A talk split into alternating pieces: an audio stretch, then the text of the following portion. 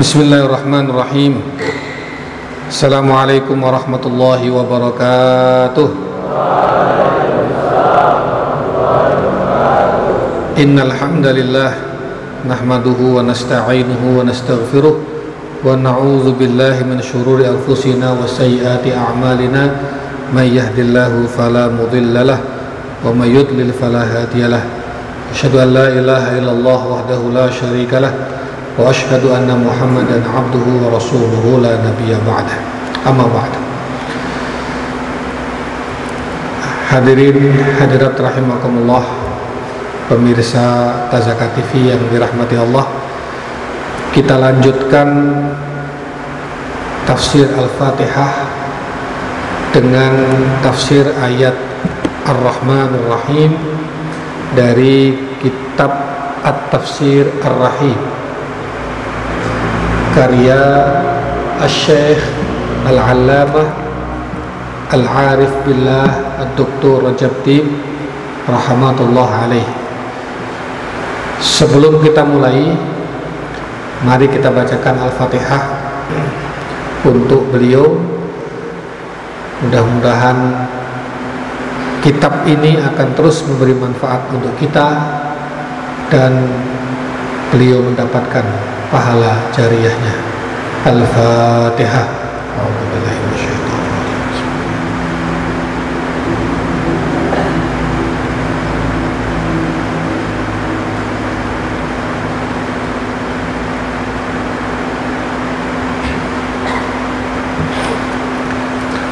Ar-Rahman Ar-Rahim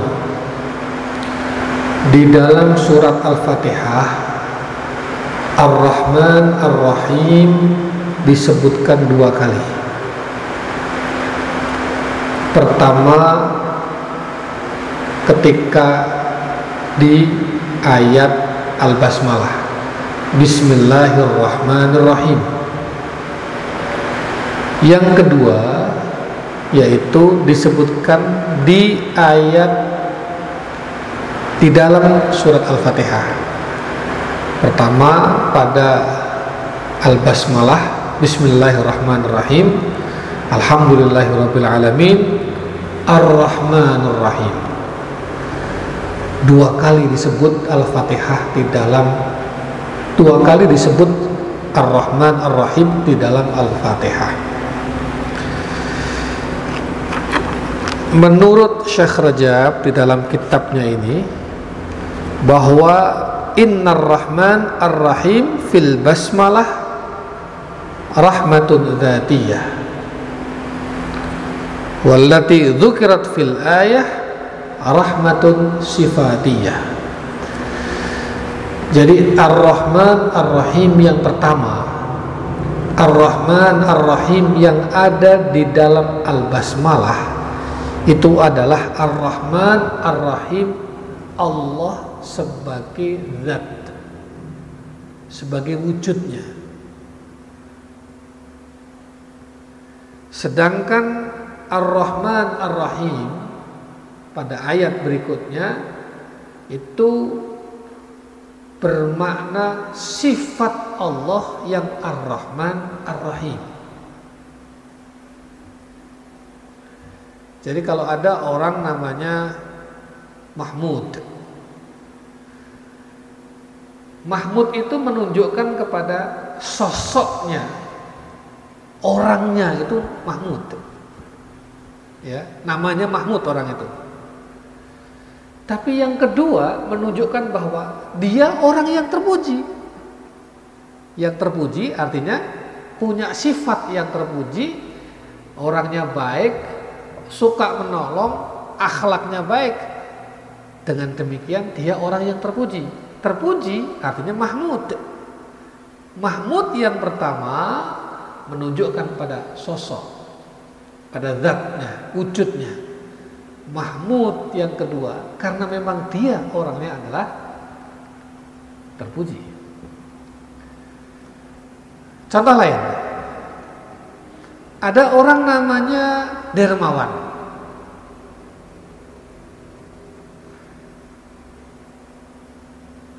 Dia dermawan. Sosok dia itu Orang itu namanya dermawan, ada wujudnya, ada zatnya. Kebetulan dia orang yang gemar bersedekah, gemar berinfak, gemar membantu orang. Sehingga dia punya sifat kedermawanan. Maka dermawan yang pertama menunjukkan kepada sosoknya, dermawan yang kedua menunjukkan kepada sifatnya. Demikian pula Ar-Rahman Ar-Rahim. Bismillahirrahmanirrahim menunjukkan zat Allah. Karena Allah itu ada, bukan gak ada. Ar-Rahman Ar-Rahim yang kedua menunjukkan bahwa Allah itu punya sifat Ar-Rahman Ar-Rahim. Penyayang, pengasih.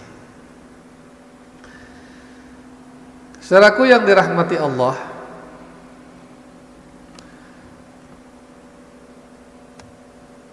Ar-Rahman Ar-Rahim disebutkan oleh Allah di dalam Al-Quran pertama kali. Sebelum Allah menyebutkan nama-nama Allah yang lain, sebelum Allah menyebutkan sifat-sifat Allah yang lain, yang pertama kali disebutkan oleh Allah di dalam pembukaan kitab sucinya di dalam pembukaan Al-Fatihah adalah Ar-Rahman Ar-Rahim. Padahal Allah punya berapa? 99 nama. 99 sifat. Walahul asmaul husna. Tetapi mengapa ketika kita membuka Al-Qur'an kita akan menemukan pertama Allah Ar-Rahman Ar-Rahim. Bismillahirrahmanirrahim.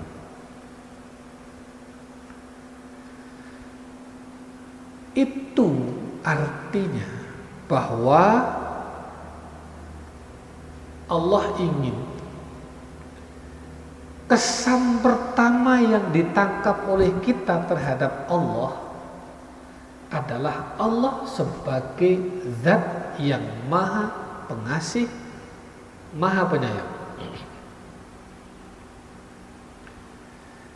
Kalau saya ketemu sama kamu, kamu punya banyak sifat, gitu. Belum pernah ketemu kita. Begitu per, pertemuan pertama, maka saya sudah bisa menangkap kesan. Apa kesan pertama? Orang ini baik. Orang ini santun. Orang ini lembut. Orang ini cerdas. Kesan pertama yang ditangkap saat pertemuan pertama kali. Sebaliknya, kalau pertama kali bertemu dengan seseorang lalu dia menunjukkan sifat arogan, sifat yang kasar, sifat yang beringas, sifat yang culas, ya. maka kesan yang saya tangkap ini orang nggak baik. Jadi Ar-Rahman Ar-Rahim Allah ingin menanamkan kesan pertama kali kepada pembaca Al-Quran bahwa Allah maha pengasih, maha penyayang. Mindset kita terhadap Allah, Allah maha pengasih, Allah maha penyayang. Meskipun tidak dinafikan Allah memiliki banyak sifat-sifat yang lainnya. Saudaraku yang dirahmati Allah, ini sesuai dengan penegasan hadis Rasulullah Sallallahu Alaihi Wasallam.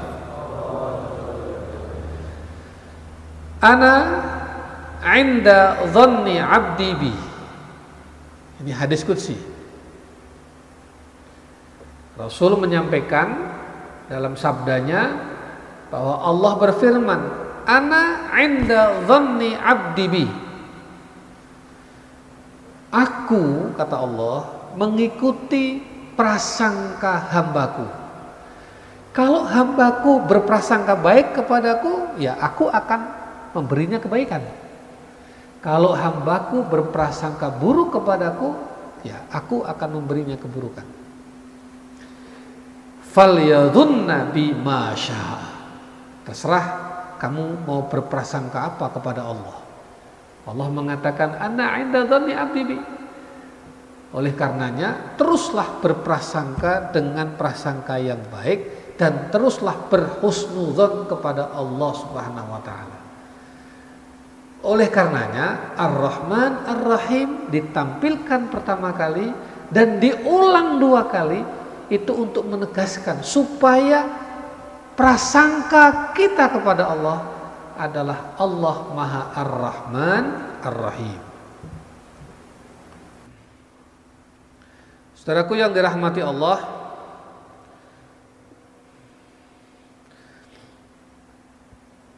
di dalam surat Al-Fatihah ada lima Asmaul Husna. Ada lima nama Allah sekaligus lima sifat-sifat Allah yaitu Allah Ar-Rahman, Ar-Rahim, Ar-Rabb dan Al-Malik. Bismillahirrahmanirrahim. Alhamdulillahi Rabbil Alamin. Ar-Rahmanirrahim. Maliki Yaumiddin. Iyyaka na'budu wa iyyaka nasta'in. Ihdinas siratal mustaqim. Ladzina an'amta 'alaihim ghairil maghdubi alaihim waladdallin. Jadi ada lima sifat-sifat Allah yang Allah hadirkan di dalam surat Al-Fatihah. Penjelasannya kira-kira begini. Ini Syekh Rajab menulis sebuah apa namanya eh, kalimat yang untuk menjelaskan terhadap lima Asmaul Husna Allah dalam Al-Fatihah ini. Abdi kata Allah, khalaqtuka awwalan fa'anallah. Wahai hambaku, aku telah menciptakanmu, maka akulah Allah. Summa rabbaituka biwujuhin ni'am fa'ana rabbun. Kemudian aku asuh, aku bina aku besarkan engkau dengan nikmat-nikmatku. Maka akulah Rabbun. Rabbun rububiyah ya tarbiyah. Summa asaita fasatartu alaika fa ana rahman. Setelah engkau tumbuh besar engkau bermaksiat kepadaku lalu aku tutup aibmu, aku tutup keburukanmu, aku tutup kejahatan-kejahatanmu. Fa'ana rahman. Dengan itu aku adalah ar-Rahman. Summa tubta faghafartu laka fa'ana rahim. Setelah itu engkau bertobat dan engkau memohon ampun kepadaku dan aku ampuni dosa-dosamu fa'ana rahim. Summa la budda min isalil jaza ilaika fa ana malik yaumiddin. Kemudian setelah engkau berbuat dosa, engkau mohon ampun dan bertobat dan ku ampuni dosa-dosamu, aku terima tobat-tobatmu, maka perlu aku beri pahala kelak di hari akhir. Fa'ana malik yaumiddin. Allah Ar-Rahman Ar-Rahim Ar-Rabb Al-Malik Abdi khalaqtuka awalan fa'ana Allah Summa rabbaituka biwujuhi ni'am fa'ana Rabbun Summa asaita fasatartu alaika fa'ana Rahman. Summa tubta faghafartu laka fa'ana Rahim. Thumma la budda min isalil jazai ilaika fa ana malik yaumiddin. Saudara-saudaraku yang dirahmati Allah, di dalam surat Ghafir disebutkan ayat 2. Ghafiriz dzambi wa qabilit taubi syadidil iqab dzit tauli la ilaha illa huwa ilaihil masir. Menjelaskan bahwa Allah adalah zat yang maha pengampun.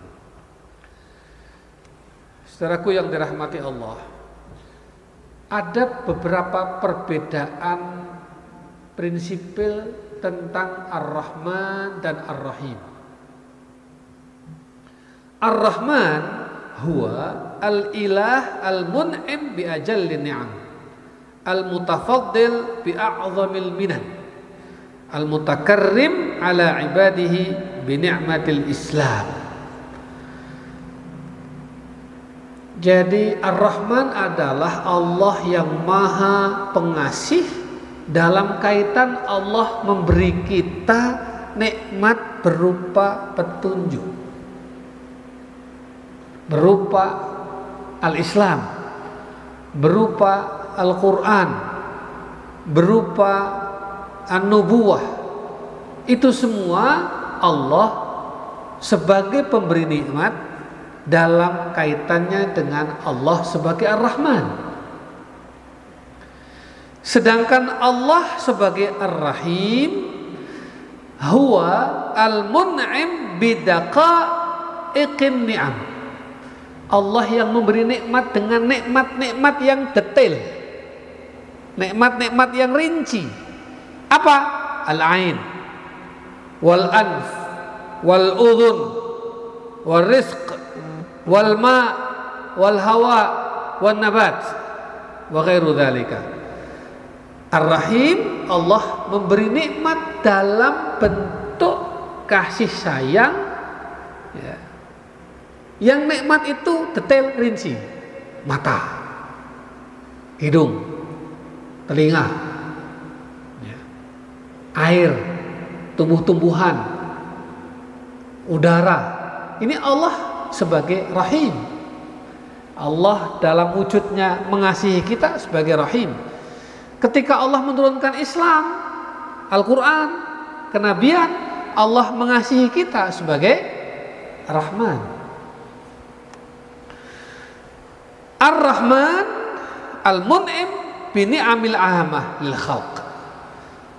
Ar-Rahman itu Allah memberi nikmat kepada seluruh makhluk mukmin, kafir, kaya, miskin, ya, orang baik, orang jahat, semua diberi nikmat. Allah sebagai Ar-Rahman. Tetapi Allah sebagai Ar-Rahim huwa al-mun'im bi ni'amil khasah lil mu'minin. Allah sebagai Ar-Rahim Allah memberi nikmat khusus kepada orang-orang beriman saja. Ar-Rahman tadullu ala man tasdar anhu atharur rahmah wal ihsan. Ar-Rahim tadullu ala man sya' rahmah wa hadzal ihsan. Saudara-saudaraku yang dirahmati Allah, Salah satu bentuk rahman rahimnya Allah adalah apabila ada seorang hamba yang mengangkat kedua tangannya lalu berdoa, bermunajat, memohon kepada Allah, Allah merasa malu jika tidak mengabulkannya. Inilah bentuk rahman rahimnya Allah. Sebagaimana disebutkan dalam hadis Rasulullah sallallahu alaihi wasallam, "Inna rabbakum hayyun karim, yastahi an yarfa'al abdu yadayhi fayarudduhuma sifran la khaira fihima. Fa idza rafa'a ahadukum yadayhi falyaqul ya hayyu ya hayyu la ilaha illa anta ya arhamar rahimin thalatha marrat Thumma idza radda yadayhi falyufriq dzalikal khaira ila wajhihi. Sesungguhnya Tuhanmu adalah yang maha hidup. dan maha mulia. Ia merasa malu apabila ada seorang hamba yang mengangkat tangannya kemudian dibiarkannya hampa, dibiarkannya kosong. Tidak mendapatkan apa-apa. Maka ketika mengangkat tangan hendaklah seseorang mengatakan ya hayyu wahai Allah yang maha hidup la ilaha illa anta tidak ada Tuhan selain engkau ya arhamar rahimin wahai zat yang maha pengasih salah samarat jadi kalau kita mengangkat tangan, sebaiknya kita meng meng mengatakan atau mengucapkan Ya Hayyu la ilaha illa anta ya arhamar rahimin. Ya Hayyu la ilaha illa anta ya arhamar rahimin.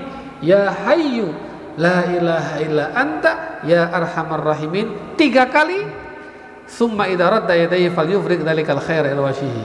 Kemudian setelah selesai berdoa memohon hajat memohon apa pertolongan Allah maka hendaklah dia mengusapkan keduanya ke wajahnya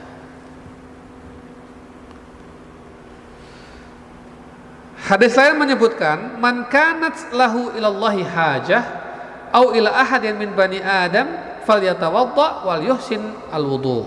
Barang siapa yang memiliki hajat kepada Allah, memiliki maksud kepada Allah, atau kepada seseorang dia menginginkan sesuatu dari seseorang apalagi dari Allah falyatawadda wal yuhsinul wudu. Hendaklah dia berwudu dengan wudu yang sebaik-baiknya. Summa liyusalli rak'atain salatlah dua rakaat. Summa liyusni 'ala Allah wal yusalli 'ala nabi. Kemudian memuji Allah dan bersolawat kepada Rasulullah sallallahu alaihi wasallam Kemudian dia mengucapkan La ilaha illallah Al-Halimul Karim Subhanallah Rabbil Arshil Adim Alhamdulillahi Rabbil Alamin As'aluka mujibati rahmatik Wa azaima maghfiratik Wal ghanimata min kulli bir Wassalamata min kulli ith La tata'li dhamban illa ghafartah Wala hamman illa farrashtah Wala hajatan hiyalaka ridha illa qadaitaha ya arhamar rahimin. Insyaallah dikabulkan semua doa-doanya. Saudaraku yang dirahmati Allah, Inna Allah ittasafa bisifatir rahmah. Faminar rahmah wujudul bala wa minan ni'mah wujudun niqmah. Annahu yamhul bala'a minadh dhunub wal khataya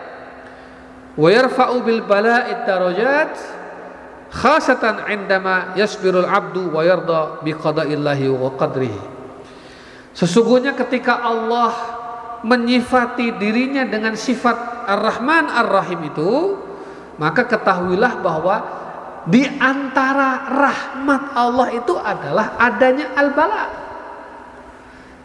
Ini menarik. Di antara manifestasi rahmat Allah, rahman rahimnya Allah adalah adanya ujian-ujian. Karena di antara adanya nikmat, adanya nikmat.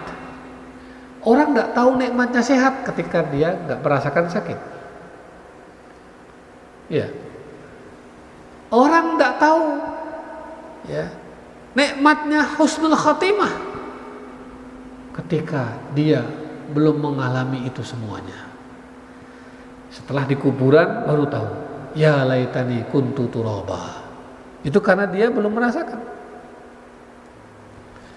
Jadi wa minan ni'mah wujudun niqmah. Oleh karena itu Allah menghapuskan dosa dan kesalahan melalui bala, ujian-ujian. Ujian itu harus disyukuri karena melalui itu salah satu cara Allah menghapuskan apa dosa dan kesalahan.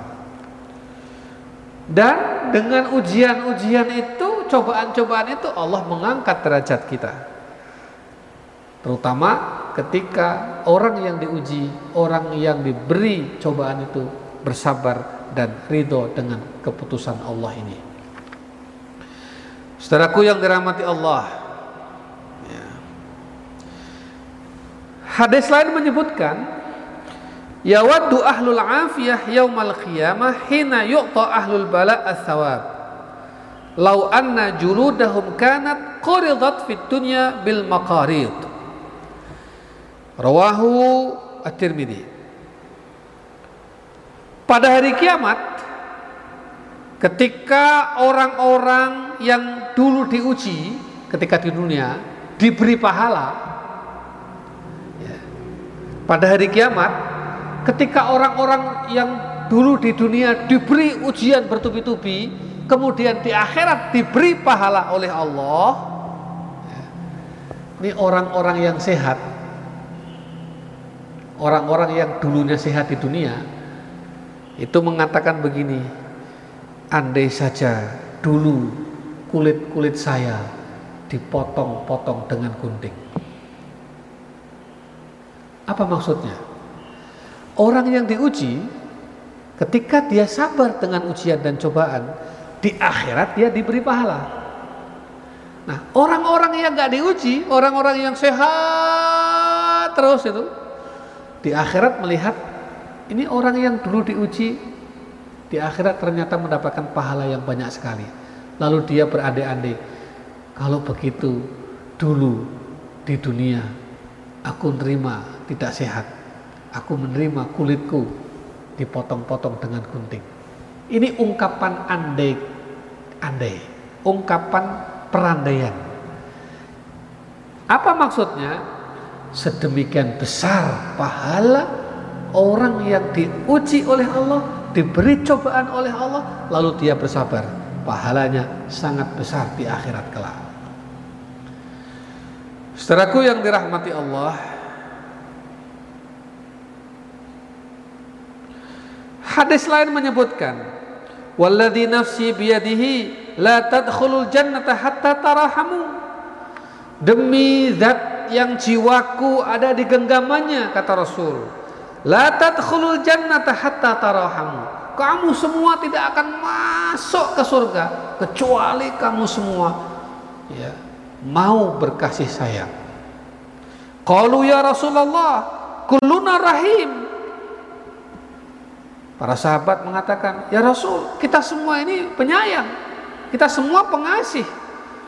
Fabayyana lahum walana anna rahmah la tatahaqqaq fil muslim itti'an wa innama ittisafan wa takhalluqan. Itu maksudnya apa? Hadis ini menjelaskan penyayang pengasih itu bukan cuma klaim, bukan cuma di mulut.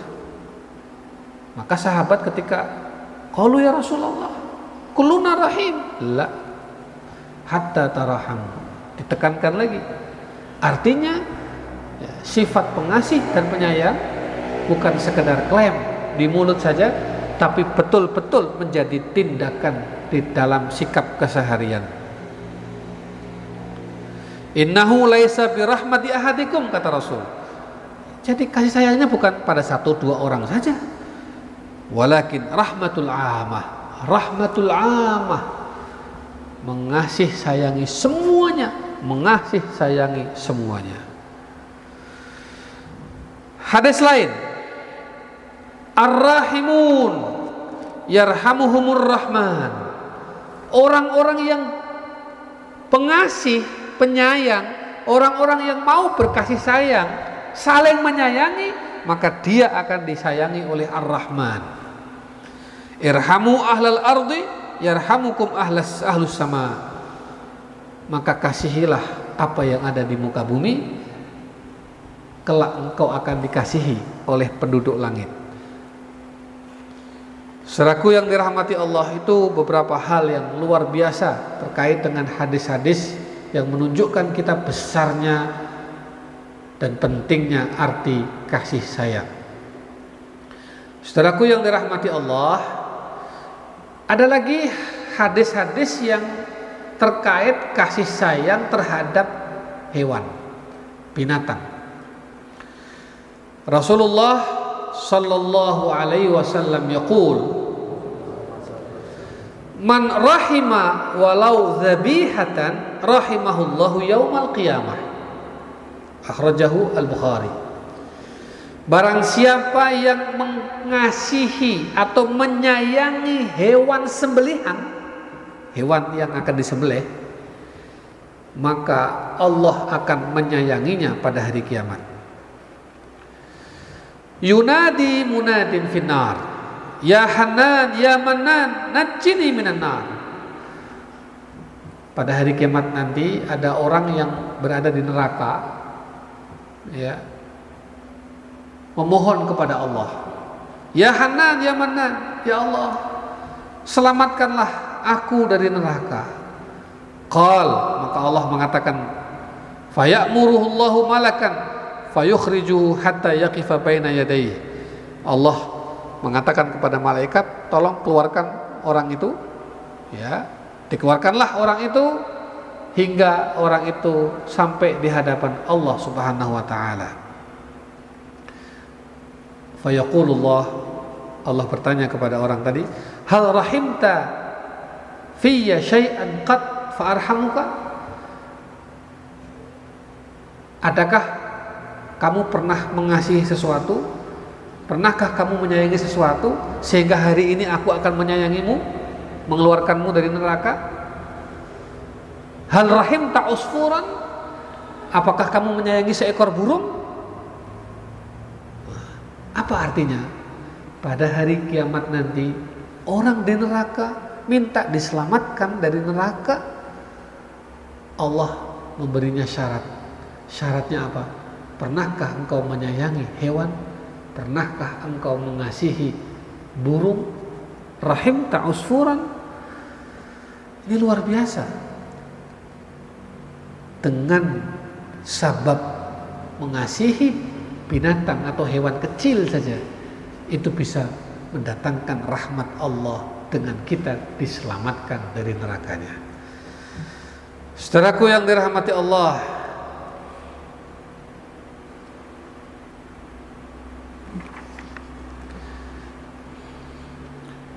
Masih tentang hadis menyayangi binatang, Rasulullah Shallallahu Alaihi Wasallam bersabda, "Ma min insanin yaqtulu usfuran, fama fawqaha bi ghairi haqqiha illa sa'alahu Allahu anha." Tidak ada seorang pun yang membunuh seekor burung, menyembelih seekor burung, ya, atau lebih kecil daripada itu, tanpa alasan yang dibenarkan. Nanti di hari akhirat Allah akan menanyakannya. Jadi kalau kita menyembelih burung, maka burung itu harus dimakan kalau dia halal. Kalau kita menyembelih ayam, maka ayam itu harus dimakan karena dia halal. Kalau kita menyembelih binatang sembelihan yang halal, lalu kita tidak memakannya hanya untuk main-main saja, hanya untuk puas-puasan saja, hanya untuk latihan berburu saja, ingat. Pada hari akhirat itu semua akan dimintai pertanggungjawabannya oleh Allah Subhanahu wa taala. Man qatala usfuran abasan. Barang siapa yang menyembelih membunuh seekor burung secara sia-sia ajja ilallah yaumal qiyamah minhu yaqul ya rab inna fulanan qatalani abasan. Falam yaqtulni liman fa'ah. Burung tadi pada hari akhirat akan melapor kepada Allah, "Ya Allah, orang itu dulu menyembelihku bukan untuk diambil manfaatnya. Orang itu dulu menyembelihku hanya untuk disia-siakan saja." Burung akan mencegah kita masuk surga dan menyeret kita masuk neraka karena pada saat di dunia kita menyia-nyiakannya. Itulah percikan dan manifestasi dari Ar-Rahman Ar-Rahim. Terhadap burung saja, terhadap binatang saja, sedemikian besar perhatian Islam, perhatian Rasulullah terhadap kasih sayangnya, apalagi terhadap manusia. Saudaraku yang dirahmati Allah,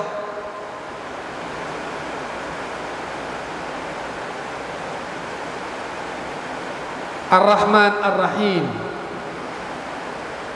Pengasih penyayang. Hendaknya menjadi bagian dari sikap dan akhlak kita. Sebagaimana Allah mengasihi dan menyayangi kita semuanya. Sayangilah apa yang ada di bumi. Sayangilah semua makhluk-makhluk Allah yang ada di bumi. Kelak Allah akan menyayangi kita di akhirat meskipun hanya seekor burung, meskipun hanya seekor binatang sembelihan.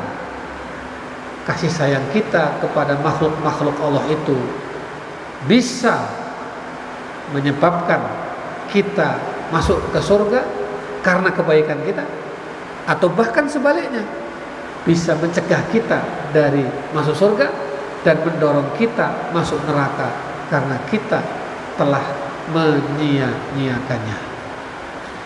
Itulah tafsir Ar-Rahman Ar-Rahim.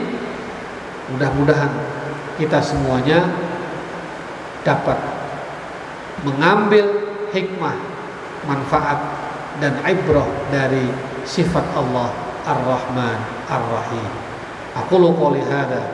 Assalamualaikum warahmatullahi wabarakatuh.